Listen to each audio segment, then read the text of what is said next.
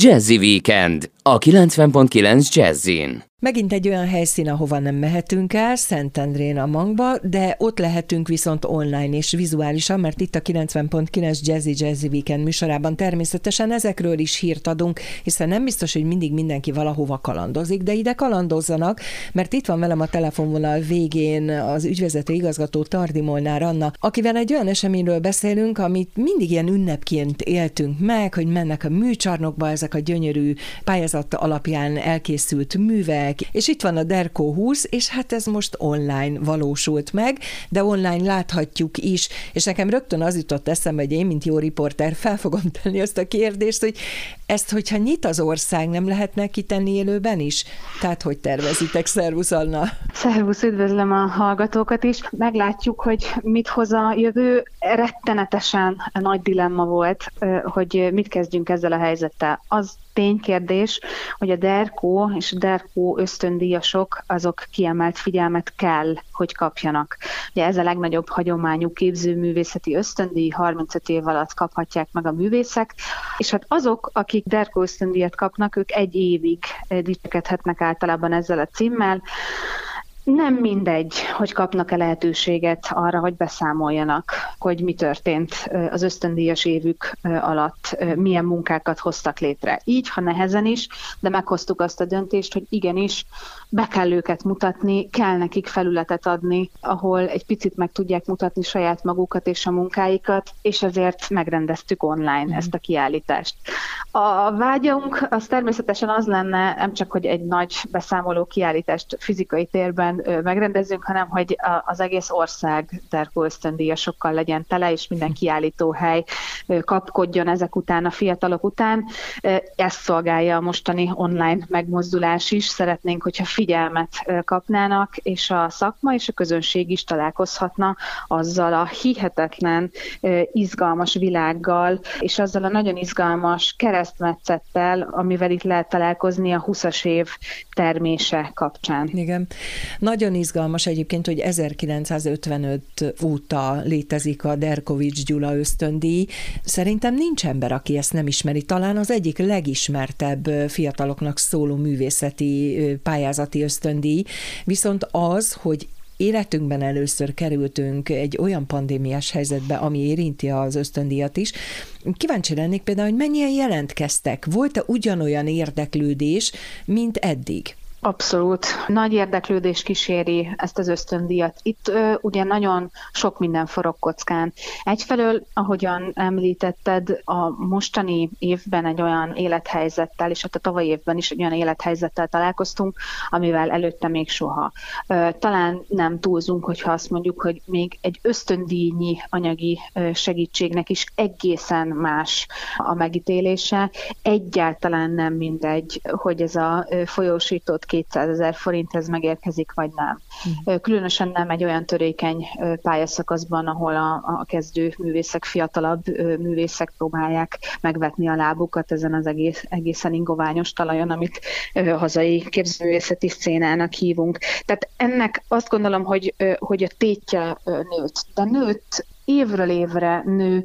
Annak a tétje is, és évről évre egyre nagyobb kihívást jelent az is, hogy ebben az őrületes zajban, abban a hihetetlen vizuális túlkínálatban, amiben tulajdonképpen a hétköznapjainkat is töltjük, hogy ebben hogyan találja meg a közösséget, hogyan juttatja érvényre a saját mondani valóját, egyáltalán hogyan látszik ki egy-egy alkotás a képdömpingből. Éppen ezért van nagyon fontos szerepe például a Derko ösztöndíjnak, mert hogy ez egyfajta szűrő is, egyfajta referenciapont is, és hát értelemszerűen egy olyan lehetőség, mátrix, egy olyan segítségcsomag, amivel az ösztöndíj mellé még olyan komplex segítségeket kaphatnak, ami megkönnyíti ezt a minden szempontból nehéz helyzetet. Mhm. Gondolom, hogy a kiállítóhelyek, galériák, vagy esetleg mecénások is figyelik ezeket a történéseket. Tehát tényleg a Derkónak olyan, olyan hírneve van, hogy szerintem, ha végigmegyek az utcán, száz emberből 90 biztos, hogy hallott róla. És most itt civil emberekről beszélek. Tehát a szakma, uh-huh. azt gondolom, hogy, hogy attól függetlenül, hogy pandémia van, számon tartotta, hogy jön a Derkovics Gyula ösztöndíj. Így van. Ez egy olyan kiállítás és egy olyan ügy, ami minden évben kitüntetett figyelmet élvezett. Ugye az nagyon fontos, hogy a Derko az nem főváros, vagy nem Budapestnek az ügye. Éppen ezért már eddig is törekedtünk arra, hogy vidéken is meg tudjon jelenni. Ugye a beszámoló kiállítások az elmúlt évben például Pécset kerültek hmm. megrendezésre. Tehát törekszünk arra, hogy tényleg egy országos hírnév kerülhessen megerősítésre, és hogy mindenhol egyaránt megismerhessék az alkotókat, akik ezt a szakmai megmérettetést sikerrel abszolválták. Ez a mostani online helyzet, ez egy nagyon-nagyon izgalmas eredménnyel, vagy egy többlet tartalommal járt. Az ugyanis, hogy az alkotásokat, a koncepciókat és egyáltalán a Derkovics ösztöndíjasságnak a hírét azt el tudtuk vinni az ország különböző szegleteibe, ez eddig is megvolt. De az, amit az online helyzet adott nekünk, az egy nagyon fontos újítás, hogy most az ösztöndíjasokkal magukkal találkozhatunk. Azok a, az érdeklődők, akik ellátogatnak a kifejezetten erre az alkalomra létrehozott online felületünkre, ott nem csak a munkákról készített dokumentációt láthatják, hanem mindegyik művészről készült portré, és mindenkivel készült egy rövid videóbejátszás is, hogy legyen egy személyes találkozás, egy személyes kapocs, ilyen módon, ugye eleve intimebb a befogadás helyzete az online térben, ezt még egy picit megpróbáltuk személyességgel elmélyíteni, tehát egy másfajta, és reményeink szerint azért egy mély benyomást tudunk gyakorolni azokra, akik érdeklődnek az ösztöndíjasok iránt. Igen. Maradt még viszont nekünk időnk, de csak a zene után, úgyhogy kérlek, hogy maradj velem. Itt van velem továbbra is Tardi Molnár Anna, a Mank ügyvezető igazgatója, és a Derko 20-ról, ami most online térbe került, és a Derkovics ösztöndíjról beszélgettünk, és beszélgetünk még egy picit, mert hogy itt mondtad, hogy most mennyivel személyesebb lehet a találkozó az alkotókkal, a, a nyertesekkel. Ez azért most már a jövőre nézve is kötelez titeket arra, hogy ezt el fogjuk várni. Tehát oké, okay, hogy elmegyünk megnézni élőben, mert ugye azt igazán te is tudod, én is tudom, a hallgatók is tudják, hogy nem adja vissza azt, ami egy kiállítóteremben van, az a hangulat, tehát kellenek ezek a nagy terek hozzá. De viszont most hozzájut a művészethez, vagy például a friss ösztöndíjasok munkáihoz azok is, akik például nem tudnak elmenni bármilyen gát miatt, tehát ez, ez lényegtelen, tehát sokkal nagyobb a közönség. Most jövőre ez viszont összeadódik, remélhetőleg. Tulajdonképpen az online kiállításaink és egyáltalán az online jelenlétünknek sohasem célja az, hogy kiváltsa a műtárgyal való személyes találkozást, vagy a művésszel való személyes találkozást. Az egyetlen cél az a kedvcsinálás. Hmm. Abban az egyben bízunk, hogy ezek az anyagok, ezek a segítségek, ezek a mankók, ezek kedvet csinálnak azoknál, akiknek eleve van egy affinitásuk a kortárs művészetek iránt, kedvet csinálnak ahhoz, hogy amikor kinyitnak újra a galériák, múzeumok, akkor elinduljanak és akarjanak kortárs tárlatokat nézni, de emellett egy picit szélesíti is, illetve arra is célos, hogy szélesedhessen az a közeg, amely nyitott a kortárs iránt, mert hogy ugye itt nem csak a személyes találkozás illúziója van meg, hanem ismeretátadás is meg tud történni. Kapunk kulcsokat ezekhez az alkotásokhoz, mm, időnként az alkotókhoz magukhoz is, kapunk szöveges leírást, tehát sokkal könnyebb a, a befogadás, és sokkal könnyebb elkezdeni az ismerkedést annak is, aki e, eddig lényegesen távolabb helyezkedett Igen. el a vizuális művészetektől. Ahogy Igen. mondtad, ez persze a mi felelősségünket és feladatainknak a súlyát az növeli.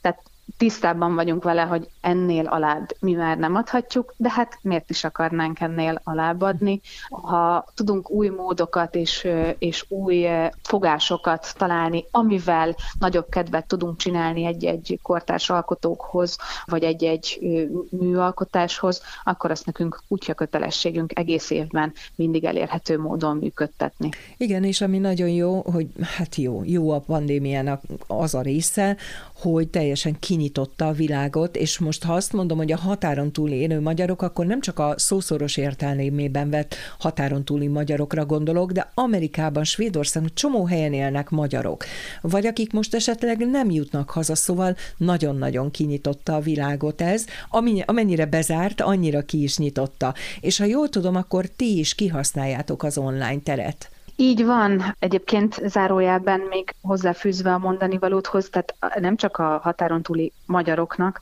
hanem egyáltalán a világnak mm. teszi elérhetővé a magyar művészeknek a munkáit, és teszik egyébként elérhetővé őket magukat, hiszen tulajdonképpen innen akkor egy kattintással összeköthetővé válnak alkotók és érdeklődők, ne Isten galériák, vásárok, stb. stb.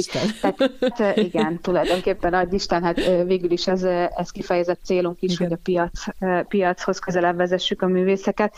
Tehát ez, ez ilyen szempontból is nagyon nagy lehetőség. De ahogyan azt talán már most arra megszokhatták a munkánk iránt érdeklődők, vagy a mi munkánkat figyelemmel kísérők, arra is nagyon nagy hangsúlyt fektetünk, hogy az ismereteket és egyáltalán a kortárs vizuális kultúra befogadásához szükséges alapvető hozzávalókat, azokat biztosítsuk adunk a látogatóknak, úgyhogy az online-nal igyekszünk a lehető legjobban élni.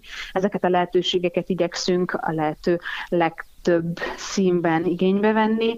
Ilyen módon e, folytattuk azokat a tavasszal már megkezdett jó gyakorlatokat, mint például a Kortás plusz tudás ismeretterjesztő sorozatunknak a e, cikk folyama, e, amelyek jól működtek, amikre kíváncsiak voltak, de azt is beláttuk, hogy tovább kell lépni, nem állhatunk meg egy-egy jól írt és izgalmas témát boncolgató cikknél, éppen ezért podcast sorozatot indítottunk.